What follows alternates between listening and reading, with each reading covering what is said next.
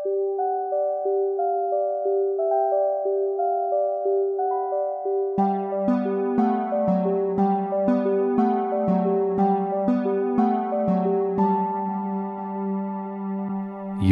þjálfarin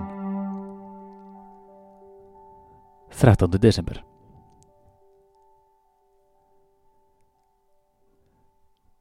Nú varð sko hamagangur og jólasveinunir þustu allir að stóru dúkalögðu borði innst í salnum.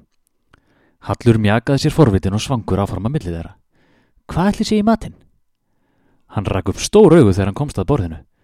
Þarna voru grænar bönir, rauðkál, fimm gerðir af sósum, ananas, hamborgarryggur, rjúpur, purursteik, andapatei, risalamán, kalkun, hnetusteik, hangikjött, malt og appelsín, makintoss, síld, laufabröð og pippakokuhús, sörur og lakristáfar.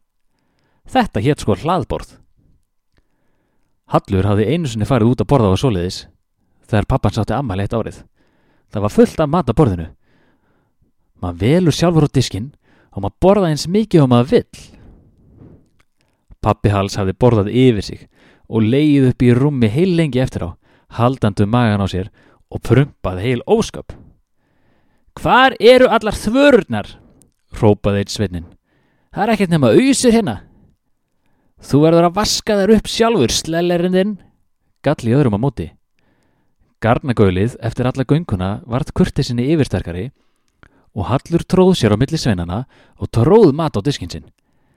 Ekki hlaða svona diskinn þinn, fáðu frekar minna og farðu aðra ferð á eftir, hafði mamman sagt við pappans þegar hann settist með kúfullan diskinn fyrir framansi á almælisraðbúrinu. Hallur byrjaði að háma í sér matinn. Algjör luxus.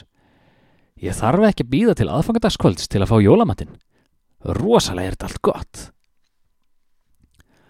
Hann tók valla eftir jólasveinunum sem hlömmuðu sér í kringkoman með diskana sína. Svo hallur þjálfari er afiðinn.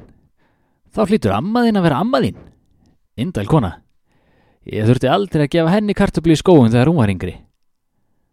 Hallur ætlaði að segja eitthvað en var með svo fullan munnin að hann kom ekki upp orði. Jólasveitnin sem satt á mótunum hallaði sér fram. Já, heyrðu talendum skó, ég kann góða sögu. Jólasveitnin blikkaði hann styrðinslega. Það var einu svonni strákur sem vaknaði eldsnemma og kíkti í skóin sinn. Það var ennþá niðamirkur og hann var með stýrurnar í augunum, en hann var of spenntur til að býða. Hann tók glæsilega andlitskrímu með tígrismunstri upp úr skónum. Vá! Wow! Hann sett hann á hausinn og mátaði hana, ákvað svo að sofa aðeins lengur og lakkaði til að máta hann aftur um morgunin og leika sér með hana. En um morgunin runnu á hann tvær grímur. Það var nefnilega engin gríma í skónum. Það sem hafði í myrkrinu virst vera tíkristýra gríma voru nærbuksur með litlu móturhjólum. Jólasveitnin hló innilega. Hann setti nærbuksunar á hausin á sér. Halli sveldist næstum því á appelsínsopanum sínum og roðnaði niður í tær. Þetta hafði hann innmitt gert sjálfur. Hvernig vissi jólasveitnin þetta?